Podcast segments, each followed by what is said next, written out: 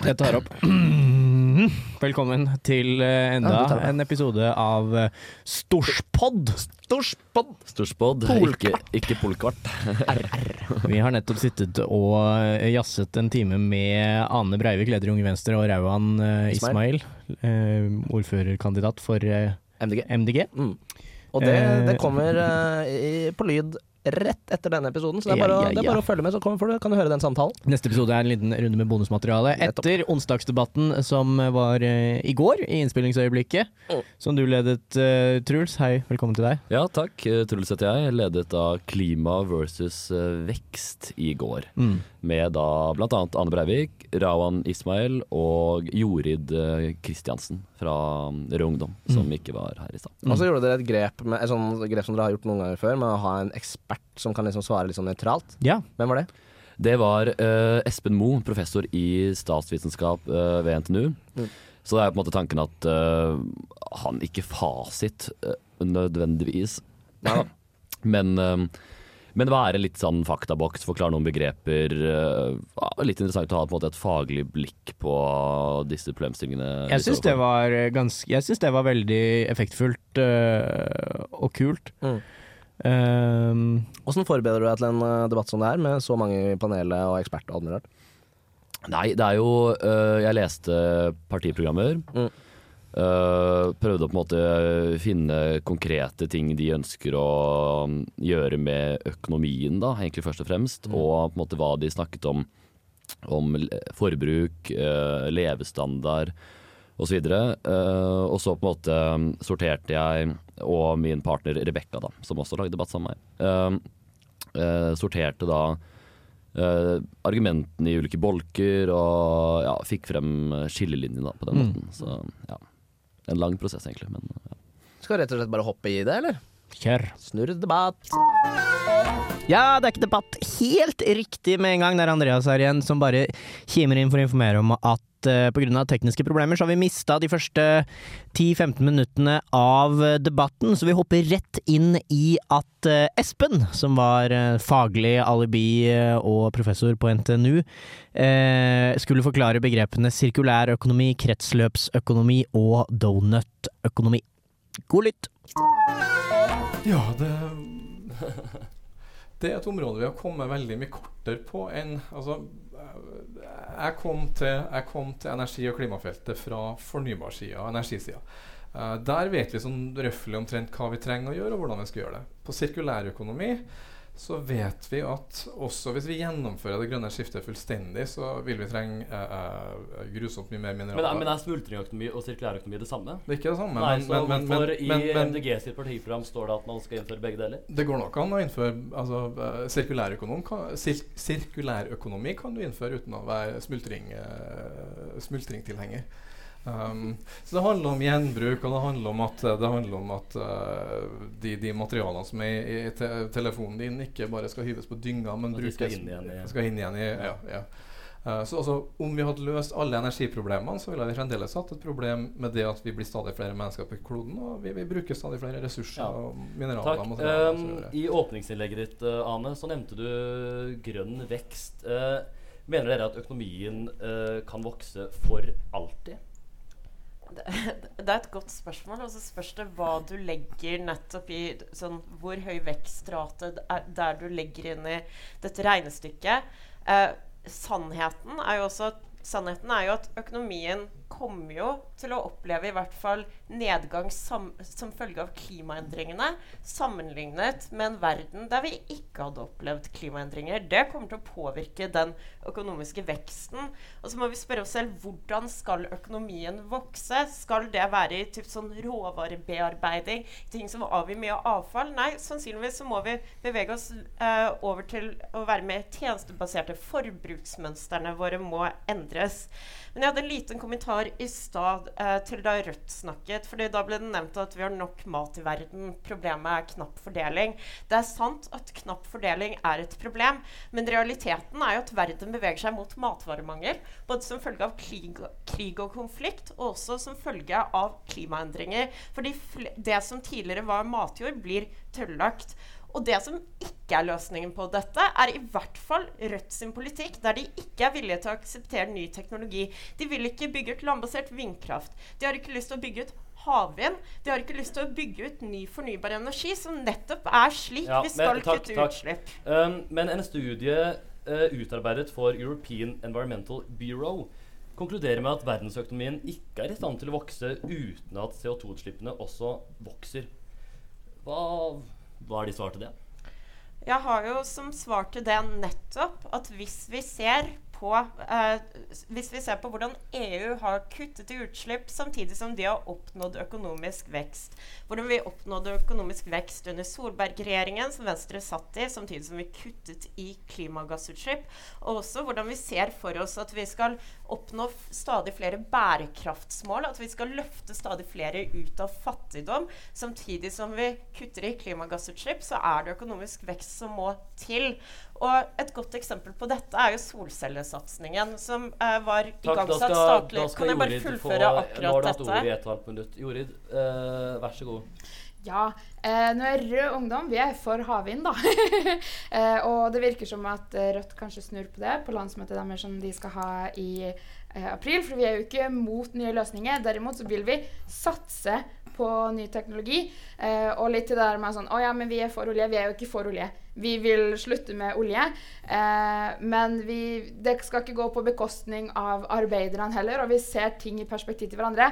Klassekamp er klimakamp, og klimakamp er kvinnekamp. Og kvinnekamp igjen er klassekamp. ikke sant? Det må ses i perspektiv av hverandre. Og man kan ikke ignorere det økonomiske systemet, da, fordi det har jo ikke så mye å si hvor mye jeg trufter. Hvis eh, ti, de ti største bedriftene i verden står for over halvparten av utslippene, på en måte, da har det eh, Man må ha en systemendring for å få eh, ekte endring, rett og slett. Ja. Um, um, Espen, har det et ja-nei-svar om økonomien kan vokse i det uendelige? Jeg er jo professor, så det er bestandig et ja- nei- ja-nei-svar.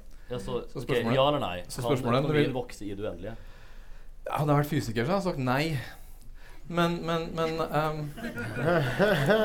Altså igjen så er jo det, altså det, det som gjør svaret Eller det som gjør spørsmålet tricky, er at økonomisk vekst er jo grusomt mange forskjellige prosesser. Sant? Så uh, hver gang du har teknologisk endring, så er det per definisjon uh, økonomisk vekst.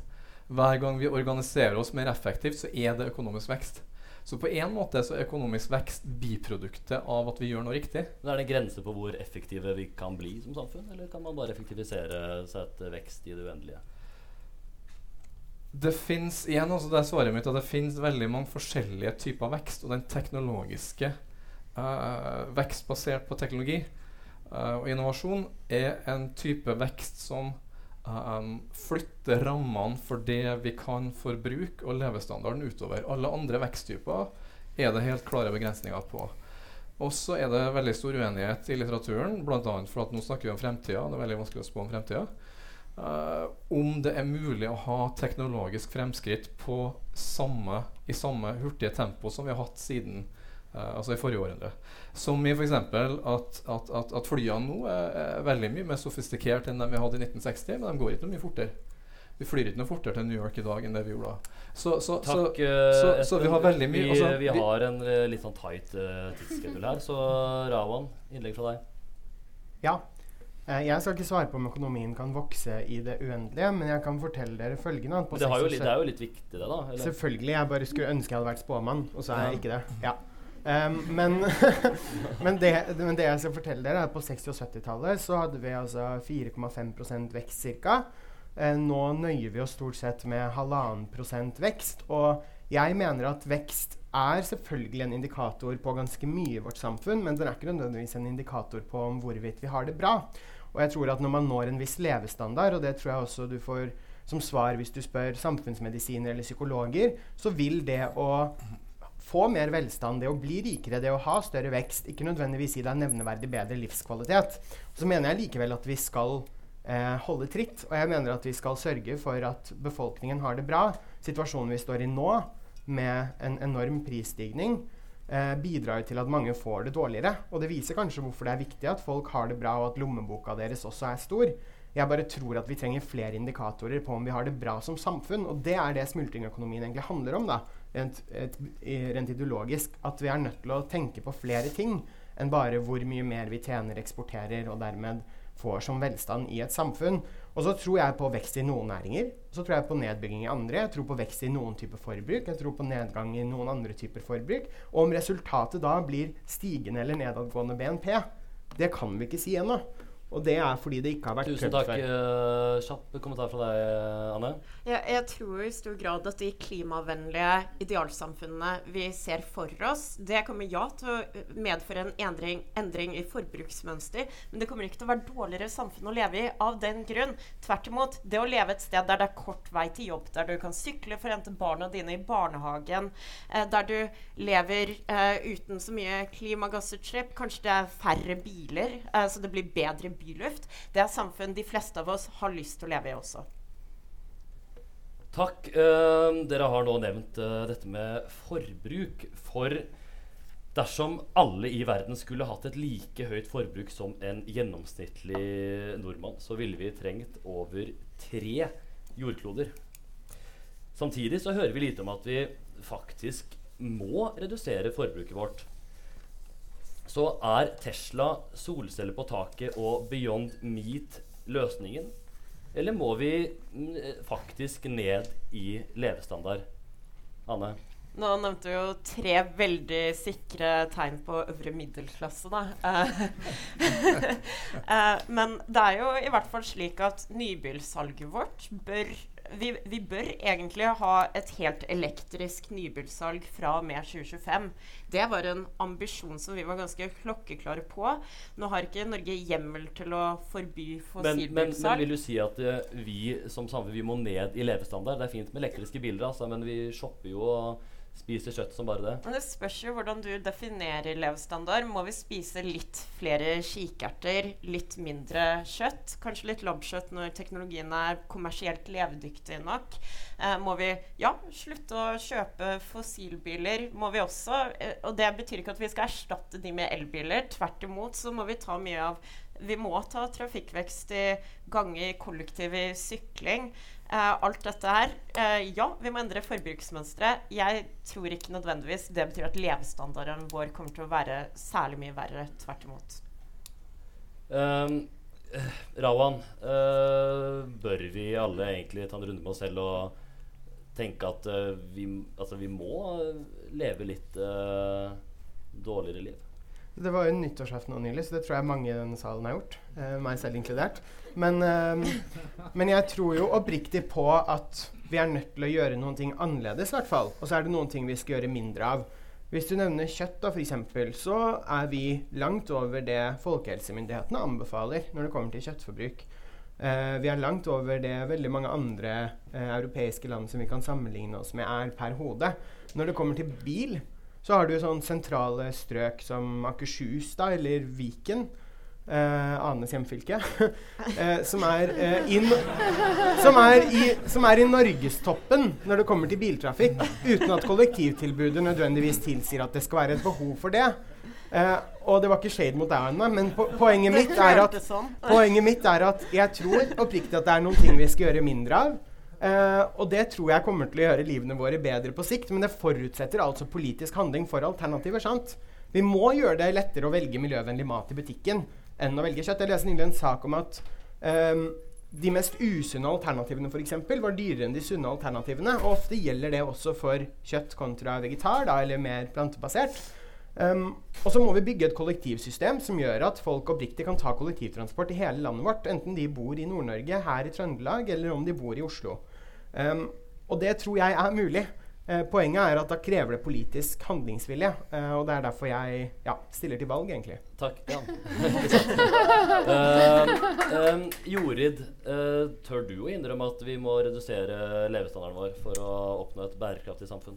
Jeg tror at det er eh, Jeg tror ikke jeg må leve så mye verre. Jeg tror veldig få i denne salen her eh, må leve mye verre. Men Eh, for å ta et veldig konkret eksempel, da, så, eh, så var Sofie Elise nylig i en podkast der hun fortalte at hennes favorittdate var å ta og leie et privatfly og så fare opp lufta og så ta fire timer i lufta i sirkel og så lande igjen. Og det syns jo jeg at man kan drite i. Eh, og jeg, jeg bryr meg ikke så mye om det gjør Sofie Elise sitt liv verre, på en måte, når det er det som gjør det bra. Eh, og det er litt det at for folk flest så vil jo ikke eh, sosial klimapolitikk gjøre det verre. Det vil gjøre det bedre. Det, folk burde jo ha Folk burde ikke blakke seg for Men, en men månedsbillett. eh, en gjennomsnittlig nordmann som jeg sa forbruker over tre kloder. Da hjelper det ikke å bare angripe milliardæren og Sophie Elise i privatlivet? Jo, men jeg tror at uh, gjennomsnittet det lyver litt, da. Fordi du har noen på toppen som gjør veldig, veldig mye. Og så har vi de flesteparten på bunnen. Og jeg tror det tar gjennomsnittet veldig mye opp. Eh, og ja, vi har jo Det koster jo 1000 kroner for månedsbillett for kollektivtransport. Da er ikke det bare bare å kjøpe det. Så da kan man jo gjøre det billigere og gjøre det livet bedre. Og det er gode tiltak. Det er ikke det at man må Ja, det er ikke vi som er skurkene, på en måte. Um, Ane, skal man la milliardærer fly privatfly og spise Kobe-biff på yacht i 2050? Jeg må bare si at jeg ikke har vært på en sånn Sophie Elise-date. Um, uh, men jeg synes jo det blir ganske navlebeskuende. Altså når vi vet at industrien og, og, olje, og, ga, sånn, og olje og gass står for typ sånn i hvert fall over 40% av utslippene i Norge, så er det jo ganske sterk lut som må til. Og så vet vi samtidig at typ sånn, med industrien at vi har lyst til å flytte det over Vi har lyst til å elektrifisere flere landbaserte industrianlegg. Men, men Vi har lyst eh, til å vil det være lov å fly privatfly i 2050 med deres politikk? Tja uh, um, åh, Jeg vet ikke, jeg har veldig lyst til å forby det, men det er kanskje av personlige grunner. Jeg snakker ikke på vegne av partiet akkurat nå. Uh, men det, det er jo sånn det er, ikke sånn, det er jo ikke de store problemene i klimapolitikken. Tvert imot. De store problemene er at det ikke er lønnsomt nok å velge, klima, å velge klimavennlig. At det ikke er dyrt nok å forurense. Og særlig hvis man ser på typ sånn Ok, hvordan skal vi kutte utslipp effektivt nok til å nå våre klimamål? Da vet vi at vi må elektrifisere stadig større deler av samfunnet. Energikommisjonen kom med en rapport eh, i forrige uke der de peker på at vi både må energieffektivisere 20 terawattimer, og så må vi bygge ut 40 terawattimer med ny fornybar energi. Og det er jo nettopp mye av kritikken min mot partiet Rødt, at de har ikke en god nok plan for å løse det. Takk. Um, Rawan, funker det med gulrot eh, eller pisk, eller burde man regulere fra statlig hold? Og bryr millionærer seg egentlig om en liten ekstra privatflyavgift? Jeg er både for gulrot, pisk, regulering fra statlig hold og en pisk mot milliardærene, var det det? Eh, så jeg tenker at vi må gjøre det lettere for folk å velge miljøvennlig, gjøre det vanskeligere å velge miljøfiendtlig, og så må vi gjøre det ekstra vanskelig for de rikeste, både gjennom å skattlegge deres formue, men også gjennom å forby privatfly. Det merker jeg meg eh, Det merker jeg ikke har noen store innvendinger mot. Eh, det er ingen grunn til at folk skal fly gigantiske privatfly alene for seg selv. Men det jeg er mest opptatt av, det er hvordan vi sørger for at helt vanlige folk i Norge Høres teit ut å si vanlige folk, jeg er klar over det, men det er liksom sånn helt vanlige middelklasse, nedre middelklasse, øvre middelklasse, alle sammen, um, som trenger at politikken legger til rette for at de skal kunne leve miljøvennlig liv, og at det skal ikke bare være et overskuddsprosjekt, men en naturlig del av deres liv. Å spise mer plantebasert, reise mer miljøvennlig, og kunne besøke familie uten å måtte punge ut med hele BSU-kontoen. Espen, eh, jeg prøver å få et svar av eh, deg. Egentlig virker det ikke som at veldig mange har lyst til å snakke om det med levestandard osv. Ja. Um, Har snakket masse om levestandard. ja, men ikke ja. Um, Må vi i fremtiden leve litt annerledes liv? Må vi redusere eller Kan vi uh, spise kjøtt? Kan vi shoppe Sara-klær? Kan vi dra på Vikenturer? Uh, ja. Annerledes, helt sikkert. Nedgang i levestandard, vanskeligere å si. Eh, igjen, altså Jeg kommer tilbake til her at fokuset på vekst er på mange måter er aldri så litt av tvangstrøye. Vi er som samfunn i stedet nødt til å fokusere på å gjøre de riktige tingene. Da kommer økonomisk vekst til å være en bieffekt av det. Mens hvis du fokuserer på økonomisk vekst i seg selv, og fokuserer på nedgang i forbruk i seg selv, så er det en veldig stor fare for at vi begynner å gjøre de gale tingene, og så, og så, og så forbruker vi, eh, og så, og så slipper vi ut mer i samme slengen. Så uh, det handler liksom om å lage insentiver for dreining av forbruk. For at uh, norske konsumenter og alle andre konsumenter kommer til å bruke siste krone av det de tjener, samme hvor mye de tjener. Og ingen politikere kommer til å gå inn for at vi skal gå ned i levestandard. Så, så egentlig alt vi kan gjøre, er eh, å, å jobbe med å få ordninger som gjør at vi endrer forbruket så, uh, i, så stor grad som mulig. Og så har jeg lyst til å hive inn en liten sånn brannfakkel her i tillegg. Eh, alle snakker jo så fint om at eh, jevn fordeling er, er, klimafordeling og klimarettferdig er det samme som god klimapolitikk. Men det er to helt forskjellige ting. Det er overhodet ikke gitt at et mer eh, altså et, et, et samfunn hvor inntekt er jevnere fordelt, er et samfunn som slipper, slipper ut mindre. Så jeg tar på meg økonomhatten min, og nå er ikke jeg økonom, men jeg tok nok grunnfag en gang på 90-tallet. Uh, og det er politisk økonom. økonom altså, hvis vi hadde samla alle inntektene i Norge hos Kjell Inge Røkke og fjerna formuesskatten og fått ned først, da, så hadde han tjent 10 000 ganger mer enn meg. Han hadde ikke spist 10 000 ganger mer enn meg. Han kunne hatt 10 000 ganger flere biler enn meg, men han ikke vært i stand til å kjøre mer enn dem. Så altså, jo mer ujevnt inntekt er fordelt, jo mindre slipper vi sannsynligvis ut som samfunn. Så jeg på alle måter for at vi skal fordele ressursene på en rettferdig måte. Men det er feil å sause det sammen med at det automatisk fører til lavere klimautslipp. Um, det er vel enklere å presentere en fremtidsvisjon med Teslaer, grønn energi og hyperloop enn at uh, folk faktisk må jekke litt ned på kjøtt og konsum. Um, er det sånn at, uh, som Espen her mener, at det tør man ikke å si hva som faktisk må til, i frykt for å tape stemmer? Anne? Uh, bare til, altså For all del, sammenligner vi utslippene per person i Norge med utslippene per person i Myanmar, så kommer vi nok til at de sånn sett er et mer klimavennlig samfunn. Og så igjen, ikke, bedre, ikke et samfunn med bedre fordeling eller demokratiske rettigheter, for så vidt. Men hvis vi ser på sånn, hvordan får vi det til å være lønnsomt å velge grønt Hvorfor tror dere Siv Jensen valgte å kjøpe elbil? Er det fordi hun har så mye tro på den teknologien og syns det er viktig? Kanskje kanskje, kanskje, det er det, men jeg tror det også handlet om at vi nettopp innførte subsidier, sånn at de som velger å kjøpe nye biler, hvis det er det de velger, så velger de kanskje elbil nettopp fordi det lønner seg. Se på olje- og gassektoren nå. Vi vet at på sikt så kommer oljeprisen til å falle. Det peker alle analytikere på. Da, eh, da, vi gikk sammen med bl.a. Høyre for å fjerne leterefusjonsordningen, så tror jeg ikke det nødvendigvis handlet om at finanspolitikerne i Høyre brydde seg så veldig mye om akkurat klima- og miljøaspektet, men det de kanskje bryr seg mer om, er nettopp det at det medfører en betydelig økonomisk risiko for Norge. Og akkurat nå så ser vi at resten av Europa omstiller seg. Da kan ikke Norge bli hengende igjen som et haleheng. Det kommer vi også til å tape på økonomisk. Takk. Um, Jorid, uh, dette som Espen nevner her med sosial uh, utjevning osv. Hva tenker du om det? Um, jeg, jeg, jeg vi har på en måte ikke helt uh, definert hva det er som gjør at vi har god eh, levestandard. Vi lever jo veldig godt i Norge. Og jeg tror ikke at det er fordi at jeg kan dra på normal og kjøpe 1000 små dritting som gjør at jeg har det veldig bra. Og jeg tror ikke det er sånn at jeg kan kjøpe Det er jo digg å ta fly istedenfor tog. Det tar veldig lang tid med det toget.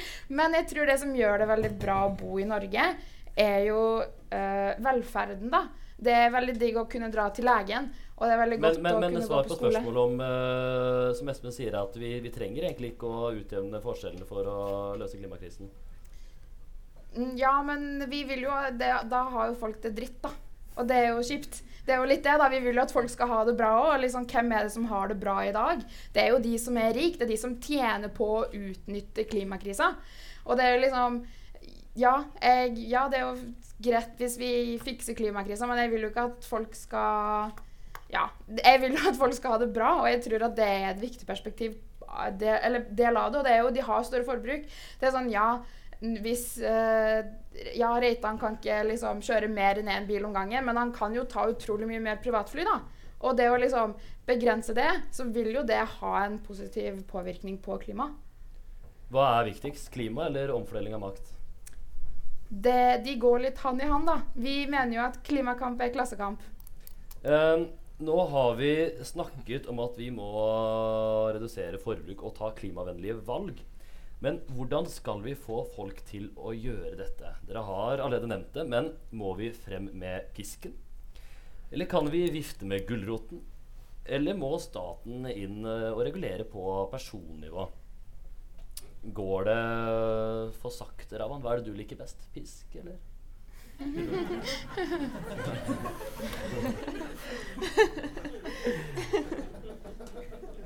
Jeg mener at vi i Oslo f.eks. har et ganske godt eksempel på hvordan alle disse tingene går hånd i hånd. På den ene siden så gjør vi det vanskeligere å kjøre bil og parkere bilen sin i sentrum. Det er en helt ærlig sak. Vi er ærlige og åpne om det og mener at det er riktig for byen som helhet og for innbyggerne. På den andre siden så utvider vi kollektivnettet. Nå åpner vi nylig en ny rute i sentrum som skal ha enda flere avganger enn den hadde før. Um, og så gir vi også samtidig folk muligheten til å leie skiutstyr istedenfor å kjøpe det ved å komme og kjøpe det vinter på, eh, på kommunens eh, gjenbruksmarkeder. Altså Alle de tingene her bidrar jo til forbruksendring og bidrar til forandringer i folks liv. Både det du gir av gulrot og det du gir av pisk. Og tenke at de tingene her må være i sammenheng, mener jeg er løsninga. Og det dreier seg også om å skape oppslutning om klimapolitikken. Der mener jeg MDG ikke har vært gode nok, egentlig. Så der kan jeg ta selvkritikk. Jeg mener at vi har en vei å gå. Eh, og det har også mange andre partier. De har heldigvis eh, mindre handling, så de kan jo fokusere på handlingen og hvor mye de har handlet i møte med klimapolitikken. Men vi har en vei å gå når det kommer til å skape folkelig oppslutning om den. Men da, men da gjennom å ikke være helt ærlig da, på kanskje hva som må til? Eller? Selvfølgelig må vi være ærlige på hva som må til. Men, men, vi, men, vi, må også, men vi må også tilby folk alternativer og gjøre livene deres enklere i møte med de forandringene som trengs for å løse klima- og naturkrisa. Og det tror jeg er mulig. Eh, og jeg mener at vi har vist små eksempler av det i Oslo. Uh, og jeg mener at vi kan vise sånne eksempler hvis vi en gang kommer i regjering. Eh, og jeg skal ikke være for optimist, men jeg håper jo at den tiden kommer også for et land som Norge. Um, Ane, dere, er dere litt mer sånn gulrotparti, eller er du også litt sånn piskeglad?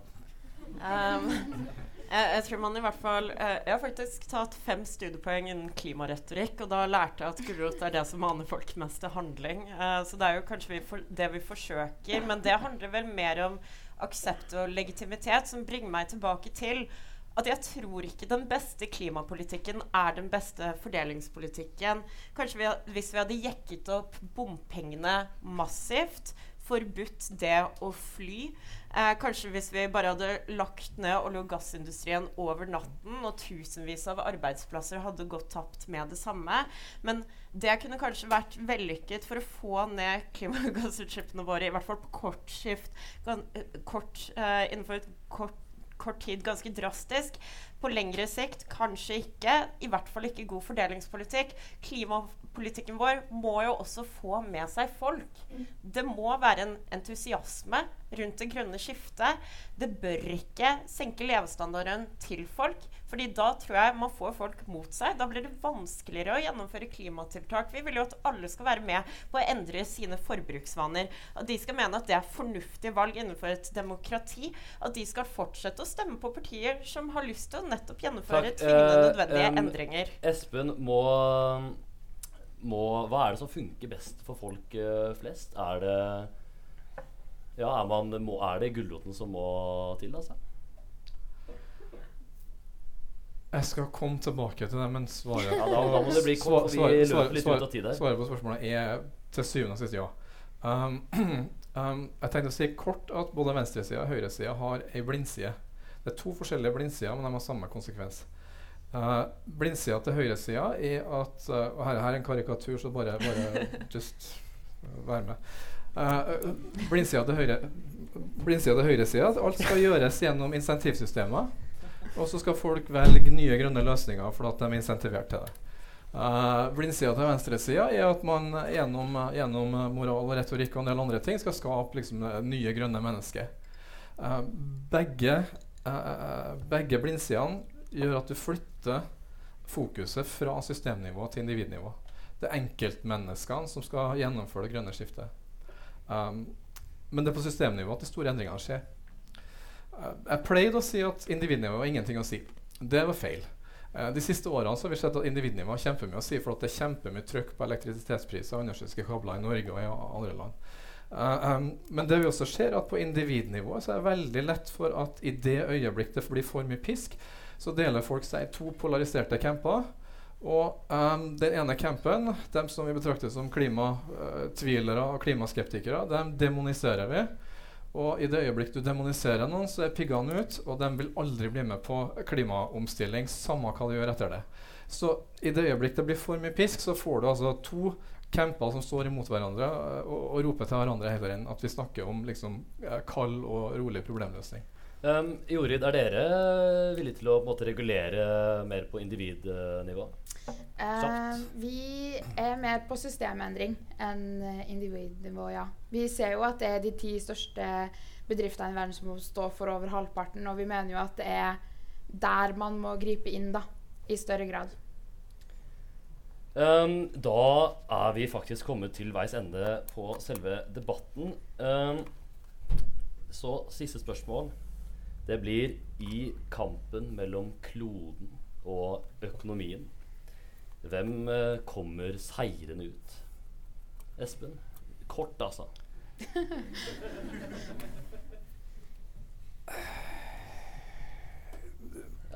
Jeg tror det er vanskelig å, å, å velge side, rett og slett, for at de to henger så, de så sterkt sammen. Altså, eh, Norge kommer ikke til å klare 55% innen 2030.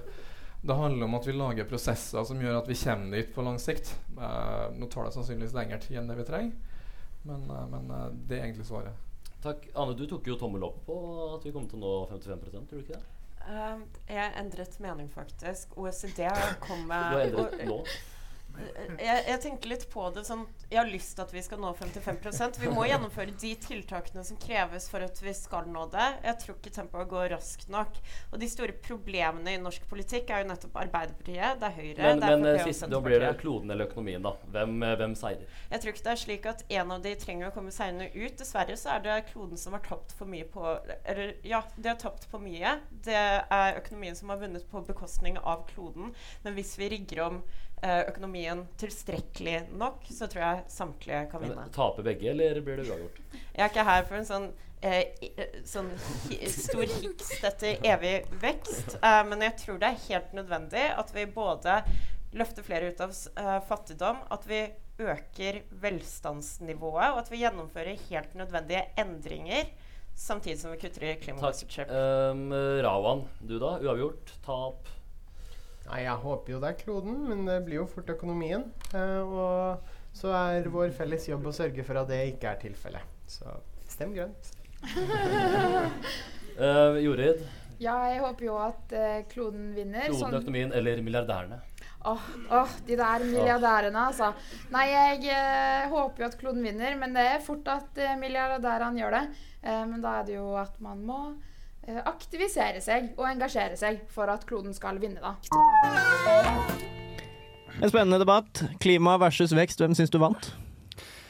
Nei, altså søsteren til Ane Breivik, eh, Liv Breivik, sa jo at Rawan vant debatten. Uh, det, er gode, det er gode skussmål når det kommer fra tvillingsøsteren. Når det kommer fra tvillingsøsteren, ja. Uh, nei, jeg vil ikke si at hun nødvendigvis hadde en vinner, men det var jo tydelig at Ane Breivik uh, spesielt er jo en veldig sterk debattant. da. Hun har jo vært i ilden før, og hun var jo på en måte den som var vanskeligst å stoppe. Jeg tror du kunne putta en femmer på henne og latt henne prate i en halvtime aleine. Ja, ja, hun ga meg liksom noen blikk også. Ja, det, det så jeg. Det ja. var noen dødsblikk der. Ja, ja. Idet jeg liksom stoppet henne, sånn pratet i liksom ett og et halvt minutt, og det gikk på repeat hele greia. Så men du var litt, men du var, eh, syns du var beinhard uh, i går. Er det, syns, du, syns du det er litt gøy også, å ta dem uh, og stoppe dem litt? Ja, ja, ja. Altså, det er jo derfor jeg liker å stå der. Ja. Uh, men når hun da ga meg det blikket, så var jeg sånn OK, da.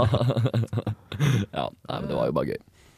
Nei, jeg håper det var gøy å høre det på podkast også. Uh, og apropos at det går an å putte en femmer på Ane og la henne prate i en halvtime, så har vi prøvd akkurat det, mm -hmm. som teaset i innledningen. Så det kommer eh, snart en bonusepisode hvor vi har puttet litt smågodt og monster i munnen på Og to bakfulle politikere. og to bakfulle politikere i et studio. Og puttet, eh, ja, puttet det i dem og latt dem prate. Og det Mm. ble 1 time og 20 minutter. Ja, Vi kan røpe at det ble spilt Bayblade på et tidspunkt. Vi kan røpe at det ble spilt Bayblade Vi kan røpe at det ble uh, sm eh, Fuck, marry, killa et par politikertrioer. Ja, og litt Smash or Pass. Litt smash or passer. Det ble snakket mye om et sted i Bærum. Ja, det ble snakket mye om mye forskjellig. Spennende saker. Vi høres senere i episode av Storsalspodden. Hei, hei!